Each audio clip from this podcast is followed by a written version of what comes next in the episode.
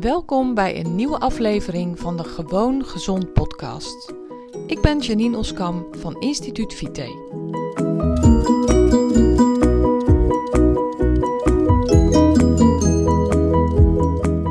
Hi, leuk dat je weer luistert naar een nieuwe aflevering van mijn podcast. Vandaag wil ik graag vertellen over het seminar waar ik vorige week ben geweest. Vorige week was ik drie dagen in Amsterdam uh, op het Voor Altijd Vrij seminar van Eelco de Boer. Eelco de Boer is mijn business coach. Ik uh, volg bij hem het programma Master Moves. Dus enorme stappen vooruit, zeg maar. En um, Voor Altijd Vrij uh, sloot daar heel erg goed op aan. En ik vind het heel erg inspirerend om met mensen samen te zijn die vergelijkbare doelen hebben als ik. Ik wil natuurlijk heel graag mijn bedrijf bekender maken. Ik wil heel graag uh, dingen leren over online ondernemen. Ik wil heel graag weten hoe ik bepaalde zaken aan moet pakken. En um, ik, ja, goed, ik, ik kan gewoon echt enorm veel leren van Eelco. En ik kan ook enorm veel leren van de mensen die daar dan zijn.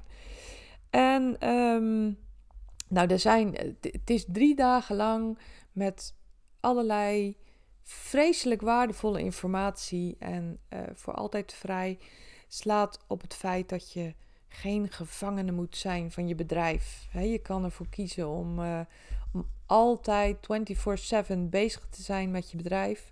Maar je kunt er ook voor kiezen om, uh, ja, om vrij te zijn. Dus om zelf bepaalde keuzes te maken. En door bepaalde keuzes te maken, juist niet ge gevangen bent in je bedrijf. Maar dat je juist vanuit rust kunt ondernemen en vanuit rust uh, een goede ondernemer kunt zijn. In mijn, in mijn geval betekent het dan dat ik vanuit rust uh, zoveel mogelijk mensen kan helpen. Want dat is mijn missie. Ik wil gewoon echt zoveel mogelijk mensen helpen om de leefstijl te vinden die bij hun past. En om, uh, om ze te helpen ontdekken waar hun lichaam het beste bij functioneert. Want dat is eigenlijk wat ik doe. ik laat een uh, persoonlijk voedingsplan samenstellen op basis van de bloedwaardes van mensen. Wordt bloed afgenomen, dat wordt onderzocht. En er wordt gekeken naar gewoon hele reguliere waardes. Er wordt gekeken hoe je lever functioneert, hoe je nieren functioneren, hoe je schildklier functioneert, hoe de uh, vitamines en mineralen in je bloed uh, zitten, hoe je suikerhuishouding functioneert. En ik vergeet er nog een heleboel. Ik kijk ook naar uh, voedingsintoleranties, dus of er bepaalde voedingsmiddelen zijn waar je immuunsysteem op reageert. En aan de hand van die bloeduitslagen wordt er dus echt een heel persoonlijk voedingsplan gemaakt, wat echt op jouw lijf gesneden is. Wat dus ook maakt dat je enorme stappen vooruit maakt in je gezondheid en um, enorme stappen vooruit maakt in je leven. Want je gezondheid is gewoon de nummer één um, als het gaat om belangrijke dingen in je leven. Um, als je gezondheid goed is, heb je duizend wensen. Maar is je gezondheid slecht, heb je maar één wens. En dat is een goede gezondheid. Dus daaraan kan je al zien dat dat zo verschrikkelijk belangrijk is. Nou, ik leer mensen dan ook omgaan met stress. Dus hoe Zorg ervoor dat stress niet of nauwelijks vat op je heeft. Er zijn manieren voor om dat te doen. En uh, ik leer mensen hoe ze daarmee kunnen omgaan. En op die manier ook aan hun gezondheid kunnen werken. En vandaar dat voor altijd vrij zo enorm goed past bij mij. Bij de manier waarop ik denk. Want dat is uiteindelijk ook wat ik de mensen die mijn uh, methode volgen leer.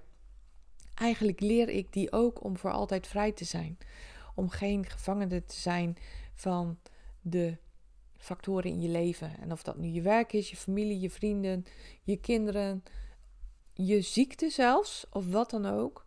Ik leer die mensen om sowieso uh, gezonder te leven, waardoor klachten verdwijnen, verminderen. Maar ook door stress te reduceren, waardoor het veel minder vat op je heeft.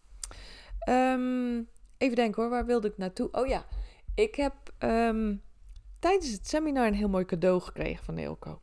Er waren een aantal uh, momenten in die dagen dat hij uh, um, een aantal dingen uitdeelde. En hij zei: Wat ik ga geven is een miljoen waard. Nou, misschien wel 2 miljoen of 3. dus je denkt dan, nou, uh, hou je vast, daar komt wat. En wat was het cadeau? Dat is een Nokia-telefoon. Gewoon zo'n ouderwetse Nokia. Ik weet niet of je hem nog kent. En dat is een telefoon waarmee je kunt bellen en kunt sms'en. En meer kan je er niet mee doen. Hij zei: Dit ding geeft je vrijheid. En is dus gewoon miljoenen waard. Het is onbetaalbaar. Want iets wat je vrijheid geeft, is ook onbetaalbaar. Um, nou, ik was natuurlijk super blij daarmee en uh, heb dat cadeau ook in ontvangst genomen. En afgelopen weekend was ik weer thuis. Het seminar was woensdag, donderdag, vrijdag. Dus zaterdag was ik weer thuis en ik heb toen de telefoon uitgepakt. Ik had hem eigenlijk in Amsterdam ook al heel eventjes uitgepakt, maar weer snel ingepakt. Ik dacht, nou, als ik thuis ben, dan installeer ik hem wel. En um, ik heb hem uitgepakt, geïnstalleerd. En ik zei van, nou, vanaf dit weekend schakel ik mijn iPhone uit. Ik ben gewoon niet meer bereikbaar op die iPhone. Want zonder dat je het eigenlijk heel vaak realiseert, ben je voortdurend bereikbaar. Ik krijg WhatsAppjes van mijn klanten. Ik krijg natuurlijk ook WhatsAppjes van bekenden, van mijn kinderen, van vrienden, van familie. Ehm, je krijgt e-mails op je telefoon. Tegenwoordig heeft bijna iedereen dat. Op mijn telefoon staat ook mijn social media, zoals uh, Instagram en Facebook. Dat wordt ook regelmatig gecheckt. Want hoe werkt het? Uh, je telefoon geeft meldingen. Bij bepaalde gebeurtenissen op die telefoon krijg je een melding. WhatsApp geeft een toontje. Um, een mailtje hoor je binnenkomen. Een, uh, een, een uh, direct message op Instagram zie je. Want dan staat er zo'n bolletje boven je, boven je appje. Op Facebook heb je allerlei uh, berichten die oppoppen. Kortom, je wordt daar heel de dag door beïnvloed. En als je erop gaat letten, dan merk je eigenlijk wat een grote invloed dat is. Want het is zo, ik beantwoordde eigenlijk al geen vragen meer van mijn klanten in het weekend. Klanten krijgen mijn telefoonnummer, kunnen me dus bereiken via WhatsApp. Maar ik zeg wel tegen die klanten van ja, weet je, de WhatsAppjes die beantwoord ik maar af en toe. Dus denk niet dat je binnen een half uur bericht van mij terug hebt. Want ik kijk af en toe op mijn telefoon en beantwoord dan de berichten. Als ik heel eerlijk ben, zie ik wel heel vaak die berichten oppoppen. Ik lees dan dat berichtje en vaak heeft dat heel veel impact. Zeker als het een bijzondere vraag is die ik eigenlijk nu wel direct wil beantwoorden. Ik kan me dan vaak beheersen. Want ik denk dan nee, dat is niet de afspraak met vooral mezelf. Maar toch heeft het impact. Het, het doet iets met me. Nou, alleen dat al zorgt ongemerkt voor stress. En dat hoeft niet per se hele negatieve stress te zijn, hè? Maar ik ben ermee bezig. Nou, ik had dit weekend dus mijn Nokia in gebruik genomen. Ik heb de, het telefoonnummer doorgestuurd naar mijn kinderen en directe familie en vrienden. En voor de rest weet niemand mijn nummer. Nou, dat gaf me echt zoveel rust. Dat was echt zo uh, absurd. ik moet je heel eerlijk zeggen dat het ook wel moeite kost hoor. En gisteren betrapte ik me er dus toch op dat ik met die iPhone in mijn hand zat. Wel verdikkie. Nou ja, goed. Toen zei mijn man nog: Nou, dat moet je niet doen. En hij heeft gelijk. Hij heeft gewoon 100% gelijk. Maar ik zie eigenlijk dus nu pas hoe verslaafd ik ben aan die gekke iPhone. Want het is gewoon een verslaving. We zijn met z'n allen ongelooflijk verslaafd aan zo'n telefoon die een hele dag door van alles en nog wat op je afvuurt. En nou goed, iemand, mensen die mij langer volgen, die weten dat ik zeg: s'avonds vanaf 9 uur geen beeldschermen meer gebruiken. Zo min mogelijk um, je, je e-mail aan hebben staan en in blokken de e-mail beantwoorden, et cetera, et cetera. En toch betrapte ik mezelf er ook op ja, dat het dus ook gewoon vat op mij heeft. Nou, ene kant een eye-opener, wat ik eigenlijk stiekem ook wel wist. Aan de andere kant dus enorm veel vrijheid. Want moet je eens voorstellen, wat kan je allemaal niet doen met de, met de tijd die je overhoudt, die anders op je telefoon zit, zat. Ehm, en dan kan je zeggen van ja, maar het valt eigenlijk wel mee. Nou, het valt helemaal niet mee. Tenminste, in mijn geval niet. Volgens mij zit ik een paar uur per dag op dat beeldscherm te staren. En natuurlijk is het ook een deel van mijn werk. Dus op dagen als vandaag, het is vandaag maandag, heb ik natuurlijk die telefoon nodig. Dat is gewoon ook een apparaat waar ik mee werk. Maar ik leer mezelf nu ook aan om bijvoorbeeld tijdens mijn lunchpauze zet ik mijn telefoon op vliegtuigstand. Dan kan geen enkel bericht mij bereiken. Er kan geen pop-upje komen van plop, weer een bericht. Ik kan gewoon rustig lunchen en rustig mijn ding doen. Misschien even een boekje lezen of even iets opschrijven. Ik schrijf graag de dingen van me af. Vind ik heerlijk. Geeft me enorm veel tijd en rust. Dus, voor altijd vrij? Nou, wie zal het zeggen?